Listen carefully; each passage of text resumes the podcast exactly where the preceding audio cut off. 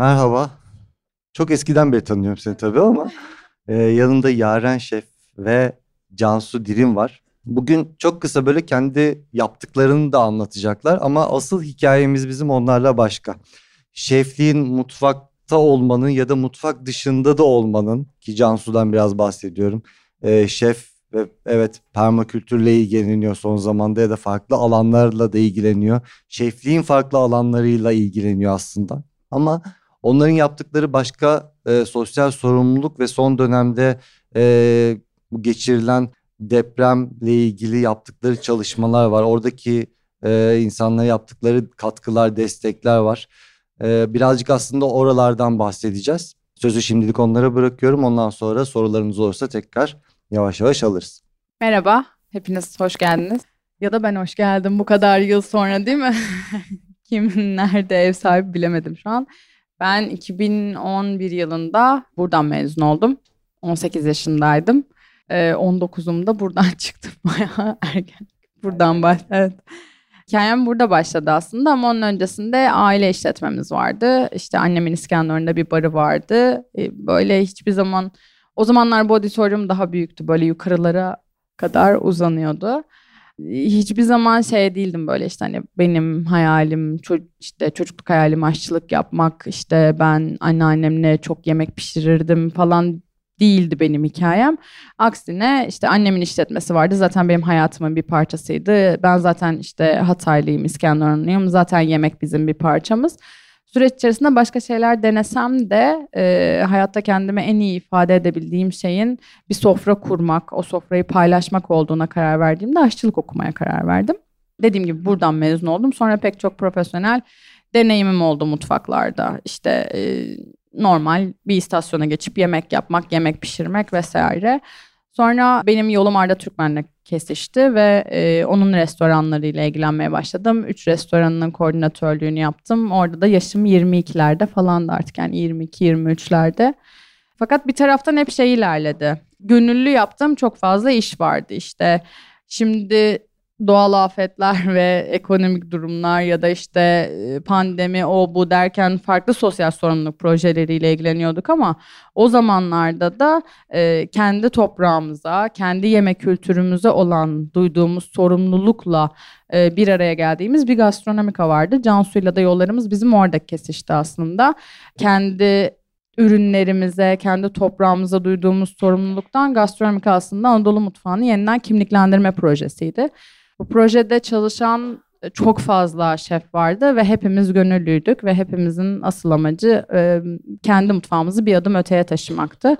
Sonrasında e, bunun üzerine pek çok çalışma yapmaya devam ettik. Bir taraftan da mutfağı yanında götürüyordum. Sonra başka bir kolu olan mutfağın işte televizyon tarafı, yemek stilistiği, danışmanlık vesaire editörlük gibi kısımlarla ilgilenmeye başladım. O zaman mutfaktan bir adım geri çekiliyorsunuz. Ama bambaşka bir pencere. Ee, yine sektörle ba- bağlantılı. Gene aldığımız eğitimlerin temelde bize oluşturduğu bazın üzerine koyarak ilerlediğiniz bir alan. Onları bitirdikten sonra tekrar mutfağa döndüğüm bir hikayem oldu. Şu anda bir e, bakery'm var. E, onun dışında danışmanlık işlerim var. İşte yaptığımız profesyonel markalarla e, marka işbirliklerimiz var. Bir taraftan da hep devam ettiğimiz artık e, bazı kaslarımızı geliştirdiğimiz sosyal sorumluluk projelerimiz var. Biz evet 3 e, aya yakın bir süre Cansu ile beraber deprem bölgesindeydik.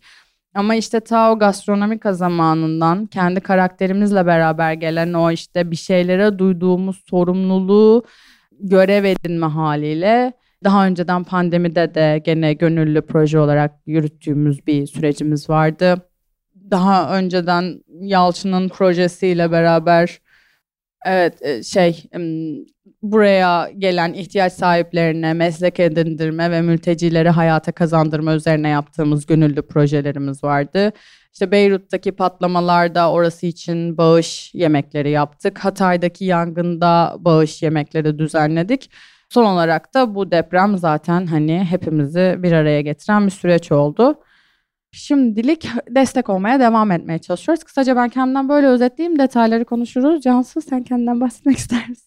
Merhaba herkese, Cansu Dirim benim adım. Çok memnun oldum böyle de olsa tanıştığıma böyle çok sayıda genç ve genç olmasa da belki sektöre böyle aşkla yaklaşan arkadaşlarla bir arada olduğum için. Ben İzmirliyim. İstanbul'a e, siyaset bilimi ve uluslararası ilişkiler okumak için geldim. Ama tabii ki herkesin olduğu gibi ben de yemek yapmayı, işte toprakla, doğayla iç içe olmayı çok seviyordum. Ee, o zaman Yaren'in bahsettiği gastronomika e, bünyesinde tanıştık ve aslında e, gastronominin multidisipliner e, tarafını bence gastronomika ile öğrendik. Seneler önce yapılmış belki de en vizyoner işti.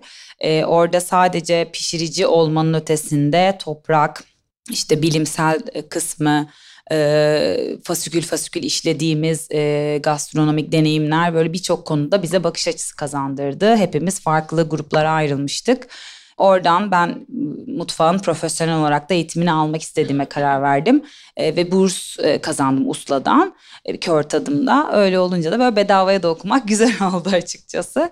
Sonrasında mutfakta e, stajyerlik, işte aşçılık farklı yerlerde ve farklı departmanlarda çalışma fırsatım oldu. Ama e, baktım ki ben mutfağın böyle arka kısmında sadece e, pişiren tarafta değil aldığım eğitim yine ilgi alanlarım o sırada yine permakültürle kentsel tarımda sürdürülebilirlikle ilgileniyordum.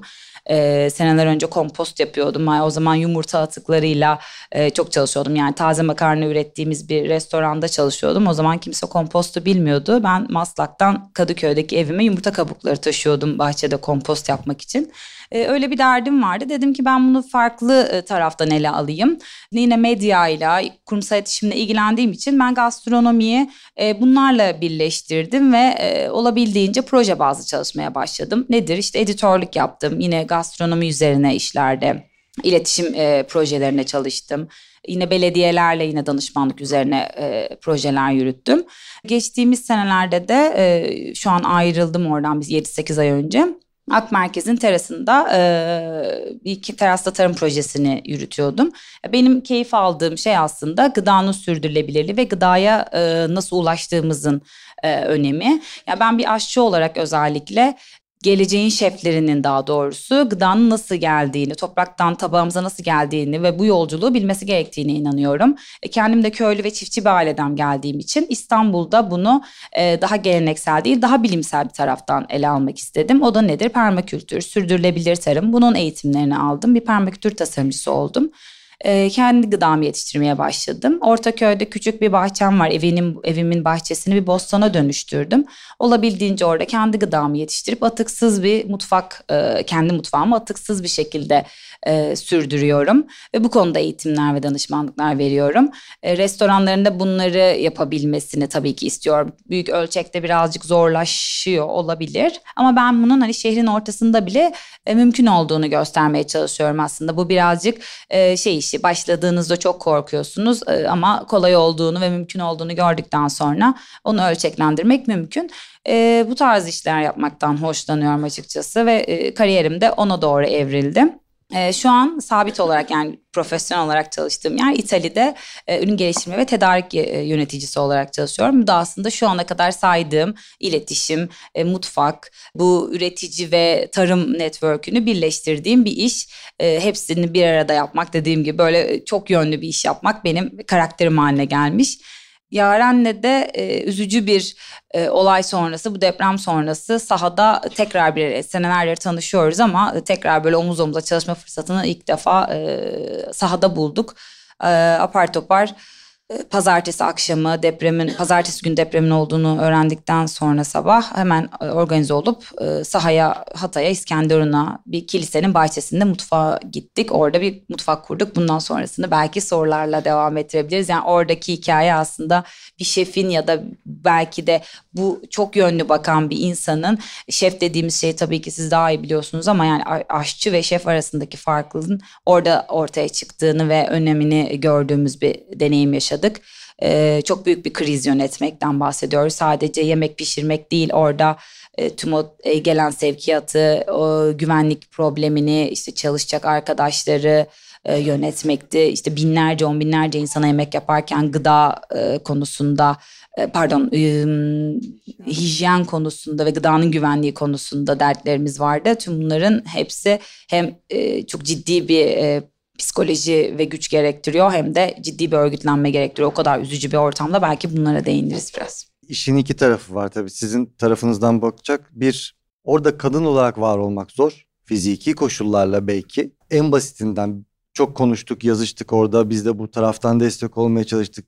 Tuvalete gitmek bile bir problem. Belki çoğu zaman sizin için yoktu. Hani bir erkekle kıyaslayacak olsanız bu bile problem en başında. Psikolojik tarafı elbette işim var. Ee, hani hijyenden bahsediyorsunuz. Malzeme götürme, tedarik etme, yolların kapanması, açılması, malzeme bulamadığınız zamanlar oldu. Yanınıza destek e, alamadığınız zamanlar oldu. İnsan gücü istediğiniz buradan destek olmaya çalıştık ama yarı başarabildik bazılarını başaramadık. Çok büyük gruplar kuruldu. Ee, bütün şeflerin neredeyse var oldu. Hep birbirleriyle iletişim halinde e, olundu. Ama gerçek anlamda siz hani orada var etme gücü bir nereden geliyor? Niye siz oraya gittiniz? Çoğu gitmeyen şef de vardı. Çoğu gitmeyen insan da vardı. Şeflik de diye buradaki asıl şey aslında kriter. Ee, bir oraya sizi götüren bir şey olmalıydı. Ee, bir yemek yapma tutkusu da olabilir bu ama o yaptığınız yemeği insanlara nasıl tükettirebileceğiniz, ihtiyacı olan insana yemek yapmak başka bir şey çünkü. Yani savaş zamanlarında ekmek yapan fırıncılar gibi. Ne olursa olsun o fırınını yakmaya devam eder. Ölmek pahasına bile olsa. Sizde de öyle bir ruh vardı orada. Birazcık onun şeyi nasıldır? Duygusallığı nasıldır? O zorlanmalar size neyi getirdi, sizden neyi götürdü döndüğünüzde? Hep bir getirisi yoktur çünkü. Böyle işler yapıyorsanız psikolojik olarak döndüğünüz zaman belki bir şeyleriniz yok olmaya başlıyor. Ee, ya da onun acısını siz sonradan yaşamaya başlıyorsunuz. Belki biraz bunlardan bahsedersiniz bize. Yani e, işin psikolojik boyutu gerçekten çok başka, bambaşka ama ben benim için zaten başka bir yerde. Yani ben depremi saat 4.17'de olmuş, 4.20'de babamdan öğrendim çünkü. E, ailem oradaydı. E, 4.20'den sonra biz sanırım uzunca bir süre uyumadık. O bir refleks aslında galiba. Yani daha önceden de söyledim. Belki ailem orada olmasaydı da aynı refleksle hareket ederdim. Çünkü dedim ya bizim daha önceden yaptığımız işte zor durumda olunan anlarda mesleği vesile kılmak diye e, bir araya geldiğimiz ve yardım etmek için yemek yapmayı kullandığımız ve hızlı organize olmak için e, iletişim kurduğumuz kaslarımız gelişmişti daha önceki organizasyonlarımızda. Fakat benim için bu sefer durum bir tık daha farklıydı. Bir sürü insanın işte birkaç günden önce gidilemez dediği yerde gitmek zorunda hissetmek. İşte hem ailemin orada olması, eşim, dostum, komşum, arkadaşım, bütün çocukluğum. İlk anda idrak edemiyorsunuz yani. Evet bir deprem oldu, herkes dışarıda. Ama bence ilk anda oradakiler de durumu çok yani şey yapamadılar. Günaydınlıktan sonra çok daha e, kötü oldu süreç ya da işte birilerine ulaşamamaya başladığınızda gelen panik. Paniği de aslında birazcık bastırıp hani tamam bu yaşandı şimdi ne yapıyoruz sorusunu sorduğunuzda kendinize e, bir toparlanmaya başlıyorsunuz. Ben bu süreçte işte sürekli telefonum da çaldı tabii ki arkadaşlarım sordu etti ne yap ailen iyi mi diye. Ama Yalçın bu süreçte Yalçın da bu arada buradan mezun. Bizim şef arkadaşlarımızdan bir tanesi. Şu an o hala sahada. Keşke burada yanımızda olsaydı. Çok isterdim burada olmasını. Yalçın aradığımda işte ya ben gitmek istiyorum dedim. Yani orada ben bu süreç içerisinden çok mantığını kullanabilen bir yerde değildim. Çünkü bir taraftan da bir panik vardı ama yani Yalçın ilk anda işte kiminle gidebiliriz, ne şekilde gidebiliriz, kimden destek alabiliriz noktasında bütün soğukkanlılığıyla operasyonu başlatan insanlardan bir tanesiydi aslında. Bir WhatsApp grubu kuruldu. İçine bir sürü şefimiz dahil oldu. Bir sürü marka, e, kurum içerisine eklendi.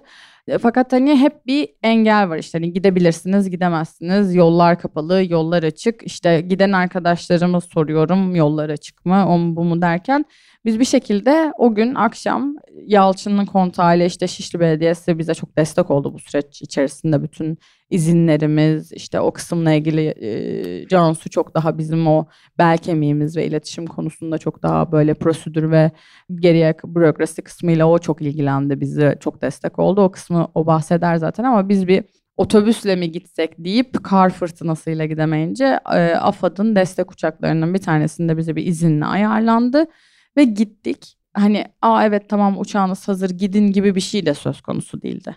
Biz oraya giderken ilk anda 13-15 kişiydik. Zaten birkaç kişiyi havalimanında e, aramızdan kaybettik. Çünkü zor bir süreç. Yani dedin ya bazı şefler gelmedi. Bazı şefler gelemedi. E, bazıları da her şeye rağmen geldi. Orada durum işte çok güllük gülistanlık değil. inanılmaz bir kalabalık var orada ve asla organizasyon, koordinasyon. Bu işin başından sonuna kadar asla organizasyon ve koordinasyon yoktu. Hiçbir alanda yani. Ee, orada da yoktu. Bir şekilde birilerini ikna edip kendimizi öne aldırtıp çünkü orada sadece şey diyorlar hani sadece sağlık çalışanları ve arama kurtarma ekipleri önden gidebilir. Ama bir gerçek var ki bu insanların gıdaya da ihtiyacı var. Yani çarşamba gününden perşembe günden önce gidemezsiniz. Öncelik arama kurtarma derken arama kurtarmadaki adamın da bir çorbaya ihtiyacı var. Orada eli ayağı titreyerek e, belki cenazesinde belki ailesini bir şeyini beklerken de o insanın ne yiyeceğini ne içeceğini düşünmemeye ihtiyacı var. Ya da her şeyi geçtim hiç kimse yokken bir çorba uzatan birinin yanında olduğunu görmeye ihtiyacı var. Çünkü komşusu da o halde değil. Yani çok büyük bir yıkımdan bahsediyoruz. Ee, gitmenin çok önemli olduğunu, orada olmanın çok önemli olduğunu düşündüğümüz için bir şekilde sabah oradaydık. Gittiğimiz zaman da benim için çok özel bir yerdeydik. Tabii ki bir sürü marka destek olmak için erzak gönderdi, e, mutfaklar kuruldu ama ilk anda bunların hiçbiri yoktu ve e, biz giderken bir Arap Ortodoks Kilisesi, e, Marcircos, Meryem Ana Kilisesi diye de geçiyor, Aziz George Kilisesi diye, diye de geçiyor. Benim bütün çocukluğumda Hıdrellez'de annemin adakları gerçekleştiğinde yemek pişirilip dağıtılan e, ki yani biz Hristiyan değiliz Müslümanız ama bir dileğimiz gerçekliğinde biliyoruz ki orada bir mutfak var ve orada yapıp dağıtıyorduk. Onlar bize kapılarını açtılar. E, ocak yok, o yok, bu yok ama dışarıda ihtiyacı olan bir sürü insan var. Henüz hiç erzak İstanbul'dan gelmedi e, bir arkadaşımızın kontağıyla bir markanın ben yanlıyor ya BİM ya 101 ikisinden biri gerçekten o an hatırlamıyorum. Birinin deposu bize açıldı. Oradan arkadaşlarımız erzakları aldı. E, adak yemeği oralarda büyük böyle bayram yemekleri de pişer.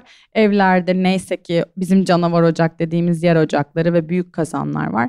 Birer tane ondan geldi derken biz ilk öğlende 300-500 kişilik çok fazla değil elimizdeki malzeme neyse ama en azından çevremizdeki insanlara dokunabilecek kadar bir çorba pişirebildik. Sonra gelen malzemelerle bir işte bin kişilik falan bir yemek pişirdik. Süreç bizi sürekli olarak e, daha fazla kişiye el uzatmaya itti. İşte enkazın başına gidiyorsunuz çünkü oradaki insanlar kalkıp gelemiyorlar yani. Evini de bırakamıyor, komşusunu da bırakamıyor, ailesini de bırakamıyor. Siz gitmek zorunda kalıyorsunuz. Orada bir ihtiyaç durumu söz konusu oldukça e, elimizi uzatmaya gayret gösterdik. Ya buradaki en büyük refleks bence insanlıkla başlayan. Sonra e, mesleğini en doğru ne şekilde kullanabilirsin diye seni sorgulamaya iten. Bir yerde bunu vesile olarak tutan ve aldığın geçmişten o bilgi, birikim, işte operasyon yönetme, şeflik yapma, kriz yönetme, e, gibi şeyleri e, bir arada tutup faydalı hale getirme çabasıydı benim için. Yani e, ilk bir hafta ben hiçbir şey anlamadım zaten. Yani e, işte elektrik yok, evet, su yok, e, işte telefonlar çekmiyor, e, bir şey yani tır gelecek İstanbul'dan tarif etmek için yola internetin yok yani orada hiç kimseyle iletişim kuramıyorsun başka hiçbir şey düşünmüyorsun ee, ilk bir hafta öyle geçti galiba. Ama orada şeyi de sorgulamıyorsun. Yani işte aa ben bir haftadır duş almıyorum ya da aa işte tuvalete de nerede gireceğiz? Zor muydu? Evet. Ama sorsan hiç sorguladığım bir an oldu mu? Hayır. E, çünkü bambaşka kaygılar, bambaşka işte bir başka bir şeyin kavgasını veriyorsun orada yani. E, soğuk, kalacak yer. Ya bir sürü şey. Bütün bunlara göğüs germek zor mu? Evet ama orada olmanın getirdiği şey de başka bir motivasyon. Evet gerçekten öyle. Yani benim için böyle başlayan bir süreçti. Yani benim yarene ekleyeceklerim şunlar olur. Zaten duygusal ve zorluk kısmını çok güzel özetledi. Orada e, hepimizin ortak noktası belki bir aşçılık eğitimi almaktı. Bir şekilde bir yerlerde çalışıyor olmakta farklı e, seviyelerde ve hiyerarşik düzeyde. Ama herkesin iyi olduğu farklı bir alan vardı. E, kimisi mutfak yönetmeyi iyi biliyordu. Kimisi gerçekten pişirmeyi iyi biliyordu. E, ben e, artık mutfağın içinde değil farklı kısımda çalıştığım için daha biraz kriz yönetmek ve e, bu iletişimi yürüttüğüm depo ve bütün bu e, belediyelerin bürokratik süreçlerini üstlendim. Bunların hepsi aslında birbirinize duyduğunuz güven ve yani sırtınızı yaslama e, aslında şeyi ihtiyacıyla ortaya çıkıyor. Orada tık tık tık organize olmak zorundasınız. Öbür türlü hiçbir şey yapamaz hale geliyorsunuz. E, çok zor koşullar olduğu için hiçbir zaman biz yani tabii ki öyle şef arkadaşlarımız öyle mutfaklara da gitti kurulu düzenin oldu. Ama bizim e, gazın işte suyun elektriğin olmadığı tek bir canavar ocakla başladığımız yerde zor koşullarla bir şey yapmaya alışık ve buna okey diyecek şef arkadaşlara ihtiyacımız vardı. Ve yine oradaki halktan aldığımız destek e, paha biçilemezdi. Onlar olmasaydı bunların hiçbirini başaramazdık. Çünkü 10 tane mutfak personelinin ya da aşçının olduğu yerde e, kilolarca, tonlarca sebzeyi doğramak, işlemek, e, zor koşullarda ya paket ve poşet hmm, şişe sularla yıkamak, e, onları doğru koşullarda pişirmek gerekiyor. Bu burada da o insanları nasıl yönettiğiniz, nasıl görev verdiğiniz, e, nasıl bir sistem kurduğunuz ortaya çıkıyor. O yüzden e, yani ben her şeye böyle 160 derece bakılması gerektiğini düşünüyorum. Sadece sahada olan yemek pişiren arkadaşlar değil, bizim orada yemek pişirmeyi başarabilmemiz için, o noktaya gelebilmemiz için en başında İstanbul'da masa başında ve telefon başında arkadaşlarımızın e, emeğini çok büyük olduğunu düşünüyorum.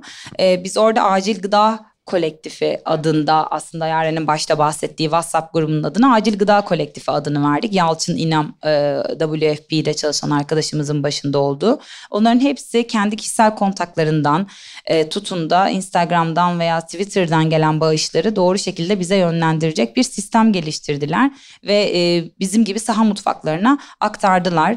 Sonrasında da akış işte oraya güvenli şekilde gelmesi, tırlara el konulmaması, e, depoda e, tasnif edilmesi. Depo dediğim kilisenin içiydi bu arada. E, veya yani o kutsallığın böyle bir şeye ev sahipliği yapması da bizim için çok ayrı bir önem taşıyor ayrıca. Yani geçtiğimiz hafta kapatmak için gittiğimizde operasyonu kilisenin e, son haline, ibadete açılmış hali bizi çok duygulandırmıştı e, ayine katılmıştık. Neyse e, sonrasındaki o süreçlerde herkesin iyi olduğu alanda görev almasını bekliyorsunuz ki e, duygusallığa ya da işte o krizde bir herhangi bir aksamaya yer yok çünkü. Yaren orada kendi kayıpları da olduğu ailesinin e, yaşadığı yer olduğu için ayrı bir hissiyata sahipti. Ben onun orada boşluklarını doldurdum. O mutfağın bir kısımlarına dahil oldu. İşte diğer arkadaşlarımız farklı görevler aldı.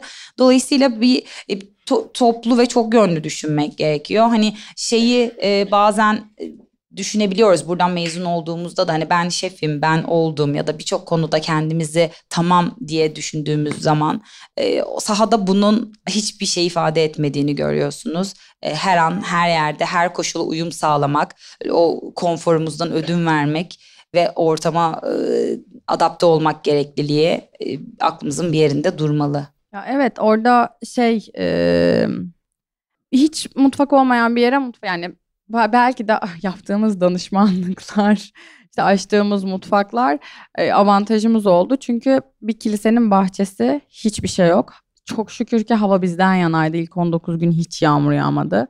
Canavar ocaklar geldi tabii İstanbul'dan destek gelmeye başladı. İşte oraya bir mutfak kuruyorsunuz soğuk zincir diye bir gerçeğimiz var. Öyle bir krizimiz var. Hiçbir şekilde hani o kapalı mutfak ortamı, o konfor alanlarınız, işte girdiğimiz müthiş ekipmanlar, bulaşıkhane, bulaşıkhane personeli, işte bıçaktır, tahtadır, tahtanın rengidir. Bunların hiçbirini ama hiçbirini göze yani şey yapamadığınız, sorgulayamadığınız ya da talep edemediğiniz bir yerdesiniz ve öyle bir noktadayız ki gelen proteinleri saklamak için kilisenin morgunu tamamen temizleyip e, steril hale getirip soğuk oda olarak kullanmak zorunda olduğunuz bir yerdesiniz. Ya da işte zaten ortam aslında deniz ürünleri işi yapan bir fabrikanın tamamen morga dönüştürüldüğü bir yerdesiniz. Yani orada bu bütün öğrendiğiniz, bildiğiniz her şey tamamen çöküyor var olan düzenin üzerine bir sistem kurmak zorundasınız. E, kilisenin içerisini tamamen depolama alanı haline getirdik. İşte Cansu zaten orada bütün hani gelen her şey taşındı, alanlara dizildi, işte e, kısımlara ayrıldı. Ne var elimizde var olan gelen ürüne göre yemek yapıyorsunuz. İşte doğrama için ayrı bir bölüm oluşturuldu. Kilisenin cemaatinden çok destek var. E tabii baktığınız zaman bir inanılmaz bir iş gücüne ihtiyacınız var. Çünkü nereden baksanız haftada iki tır su indiriyorduk. Ki hani orada çünkü hiçbir şekilde şehir şebeke suyunu kullanamıyorsunuz. Ee, içme sularıyla her şeyi yıkıyorsunuz. içme sularıyla her şeyi pişiriyorsunuz. O kapakları açmak bile bir iş gücü.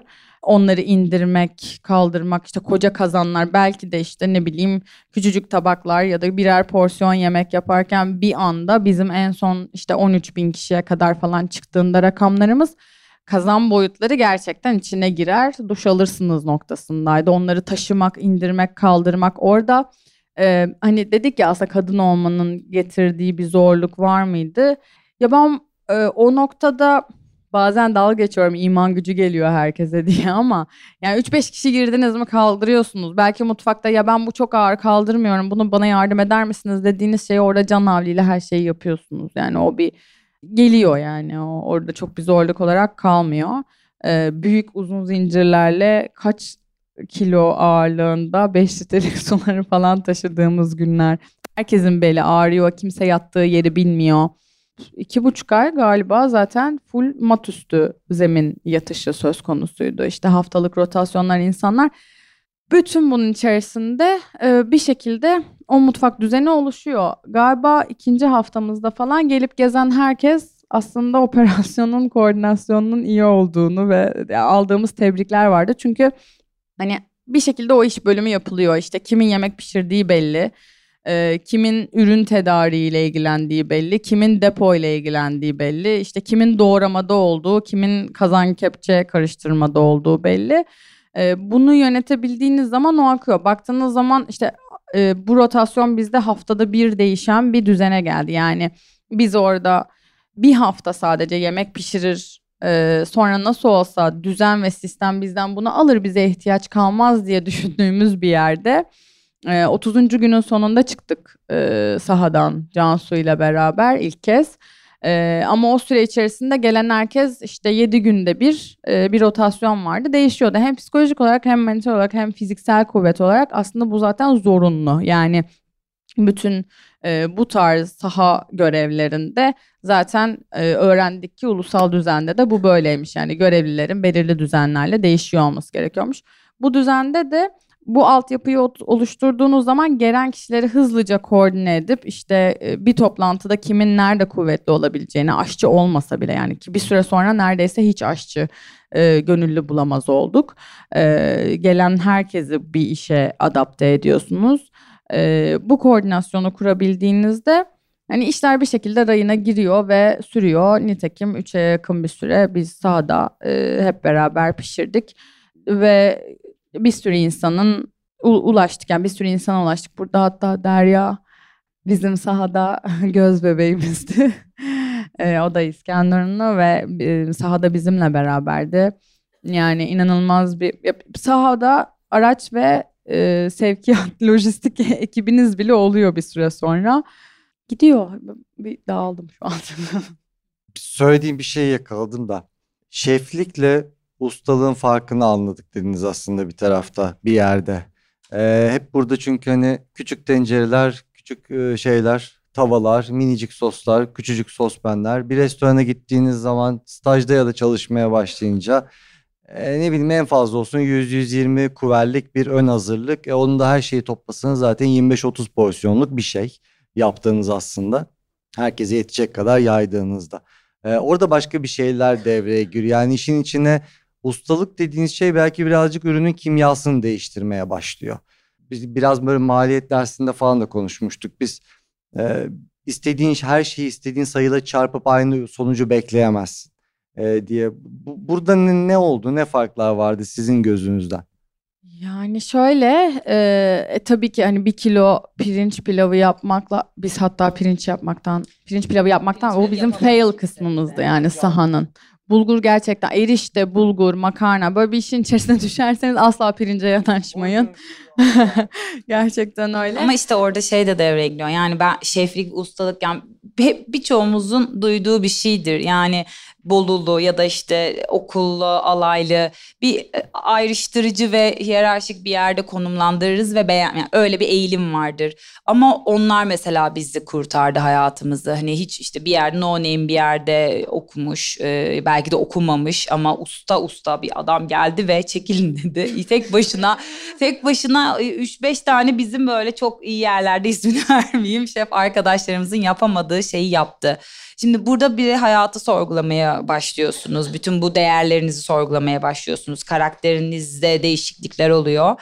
Yani bu e, etiketler işte ben oldumculuk ya o 4 ay 5 aylık eğitim mi gerçekten hayatta e, bir şeye daha geniş pencereden bakabilmek mi ya da işte o küçümsediğimiz e, insanlar mı yoksa diğer tarafta başka bir şey mi bu da önemli. Evet yani ölçek çok farklı sistem çok farklı bir de hani tavır da çok farklı ben onu da gördüm. E, yani benim kendi adıma ben aynı Cansu olarak dönmedim karakter anlamında o, o da çok önemliydi.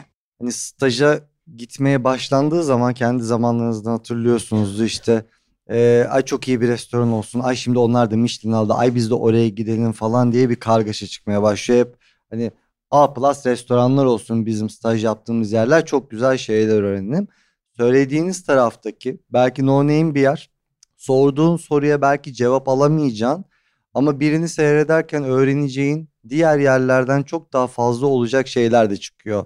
Dolayısıyla öğrenilecek yer evet farklılık gösteriyor. İlk tarafta bir yıldız bir yer var. Mutlak çok şey öğrenirsiniz.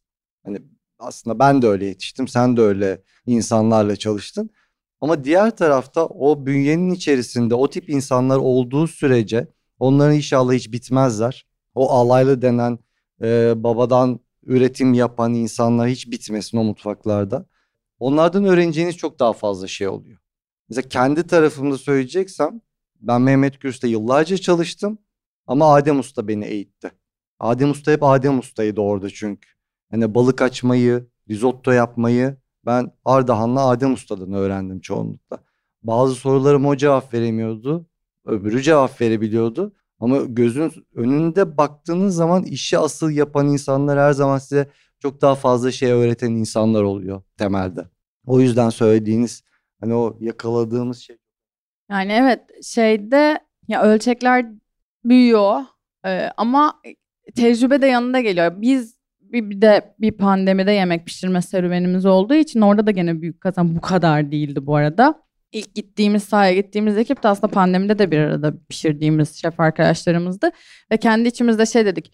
Orası daha küçük ölçekliymiş, bu daha zormuş. Ki şeyi yönetmeye başlıyorsunuz. Bir, istediğiniz değil, o başkalarının istediği şeylerle yemek pişirmek zorundasınız. Yani e, şunu şunu şunu sipariş vereyim.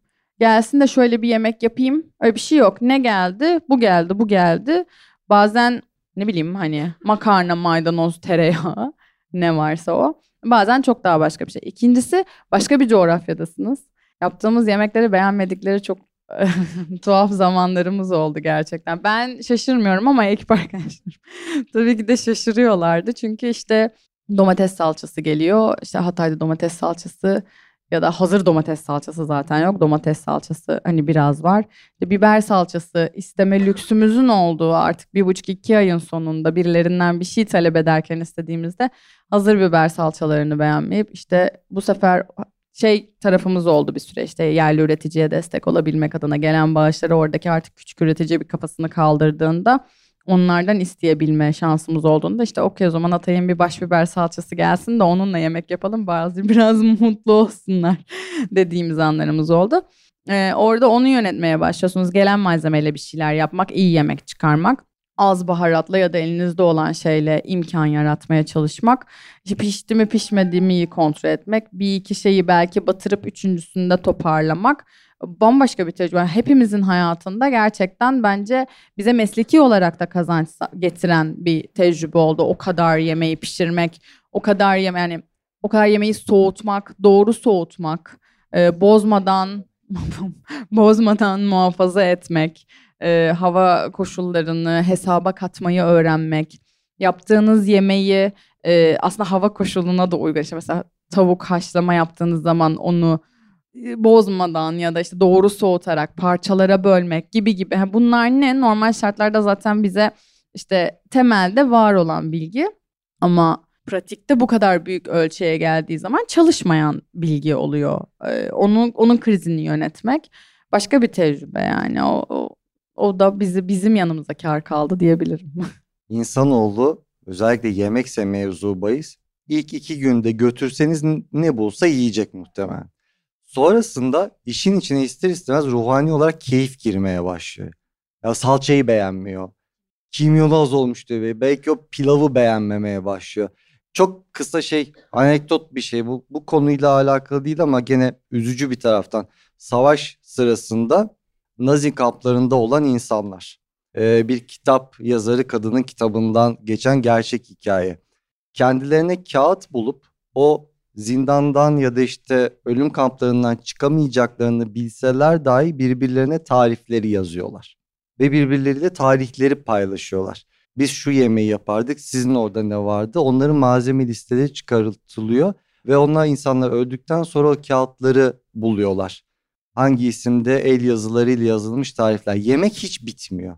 Yani en kötü durumda ve halde olsan bile ya ufak ufak beğenmemeye başlıyorsun ya da aslında o senin birazcık ruhunu galiba besliyor. Çünkü sonunda baktığın zaman tek keyif alacağın şey o olmaya başlıyor artık. Lezzetli bir yemek yemek insanın ruhuna belki iyi geliyor. Yapılan işte sizin yaptığınız işte orada belki en önemlisi oydu. Hani yemeğe sevgi katmak bilmem ne falan tarafını geçin. Ee, güzel bir şey yapıp birinin yüzünü güldürüp onun da onu beğenmesi belki en büyük şey motivasyon bir tarafı. E, evet yemek zaten her zaman birleştirici bir şey. Bu kadar kötü bir ortamda insanların özellikle de bir hafta geçtikten e, arama kurtarma çalışmaları iyice sonlanmaya başladığında yapacak hiçbir şeylerin olmadığını düşünün. Hiçbir aktivite yok, zaman geçirecek hiçbir şey yok. Tek aktivite gelip o sıraya girmek oluyor ve 3 saat önceden falan sıraya giren insanlar var. Şimdi sizin de tek e, yani değerli bulduğunuz eylem onlara e, hem karınlarını doyurmak ama bir yerden sonra da istedikleri ve yemekten keyif aldıkları bir şey sunmak. Orada da şey diyemiyorsunuz. Yani öyle diyen arkadaşlarımız var ama ben hiç katılmıyorum ve o konuda da e, serttim. E, yani bunlar da canım yani bulduklarını yesinler. Yani böyle bir şey mümkün değil. Siz kendinizi onların yerine koyduğunuzda bu insanlar yani siz biz diye bir şey yok. Yani aynı dünyadayız ve e, bizim de başımıza gelebilir her gün aynı yemeği yemezsin. Yemeği sevmediğin bir şeyle her gün mutlu olamazsın ve hayata bağlanamazsın. Çocuklarını, ailesini kaybetmiş insanlardan bahsediyoruz.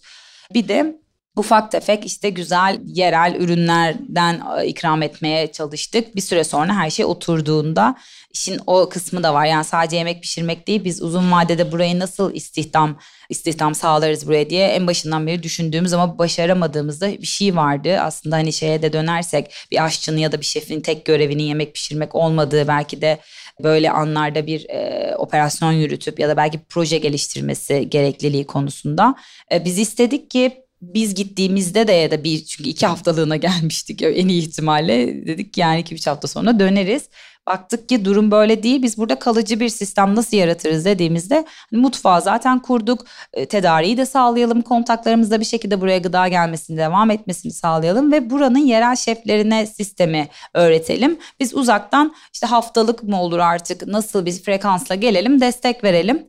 Ama en zor şey gıdadan çok e, bulmakta zorlandığımız şey aşçıydı. E, orada insanların e, çalışmak istememesi, çalışacak kimsenin kalmaması, birçoğunun e, şehri terk etmiş olması, kalanlarınsa psikolojik olarak buna e, uygun olmaması gibi sorunlarla karşılaştık. Bunun dışında bulsak ve bazı bürokratik engellere takıldık istihdam konusunda. E, sonuçta sigortası olsun, maaşı ödensin istedik. Ya, ya gelen yardımların bir kısmını buna aktarmak istedik. Bunu açıkçası çok uğraşsak da beceremedik ve ya belki de geri dönüp baktığımda ben en üzüldüğüm şeylerden biri de budur. E, çünkü ihtiyaç hala devam ediyor, bitmedi e, dönüp e, kapatmamız gerektiğinde orayı böyle kapatmak değil aktararak gitmek isterdik. Bir bunu belki de nasıl yani böyle bir krizde doğru kontaklarla, doğru iletişim ağıyla bunun nasıl çözüldüğünü düşünmek gerekiyor. Sonrasında da o zaman yardımı biz buradaki üreticinin nasıl kalkınacağını kafa yorarak devam ettirelim dedik. Mutfaktaki ihtiyaçları olabildiğince tabii ki daha maliyetli olsa da e, çevre üreticilerden almaya başladık. Bizim mutfağın en ön, çok tercih edilmesi böyle bir şey de var böyle tercih edilmek gibi bir şey var. Çünkü birçok e, farklı mutfak ve şey var, aşevi var. E, Kızılay'ın var, AFAD'ın var belli bir süre sonra farklı gönüllü arkadaşları mutfakları var. Bizde kahvaltı e, çıkan tek mutfak olduğu için birçok kişi bize geliyordu. Yani burada protein, e, vitamin, mineral değerlerine dikkat edilmesi gerçekten çok önemli bir şey yere geliyor. Çünkü sadece çorba içen, haftalarca çorba içen insanlar, bisküvi yiyen insanların e, sabah bir haşlanmış yumurta, peynir, domates, zeytin bulamaması bize şu an çok garip geliyor ama böyle bir durumla karşılaştık. Ve biz 8 bin, 9 bin yumurta haşlıyorduk günde.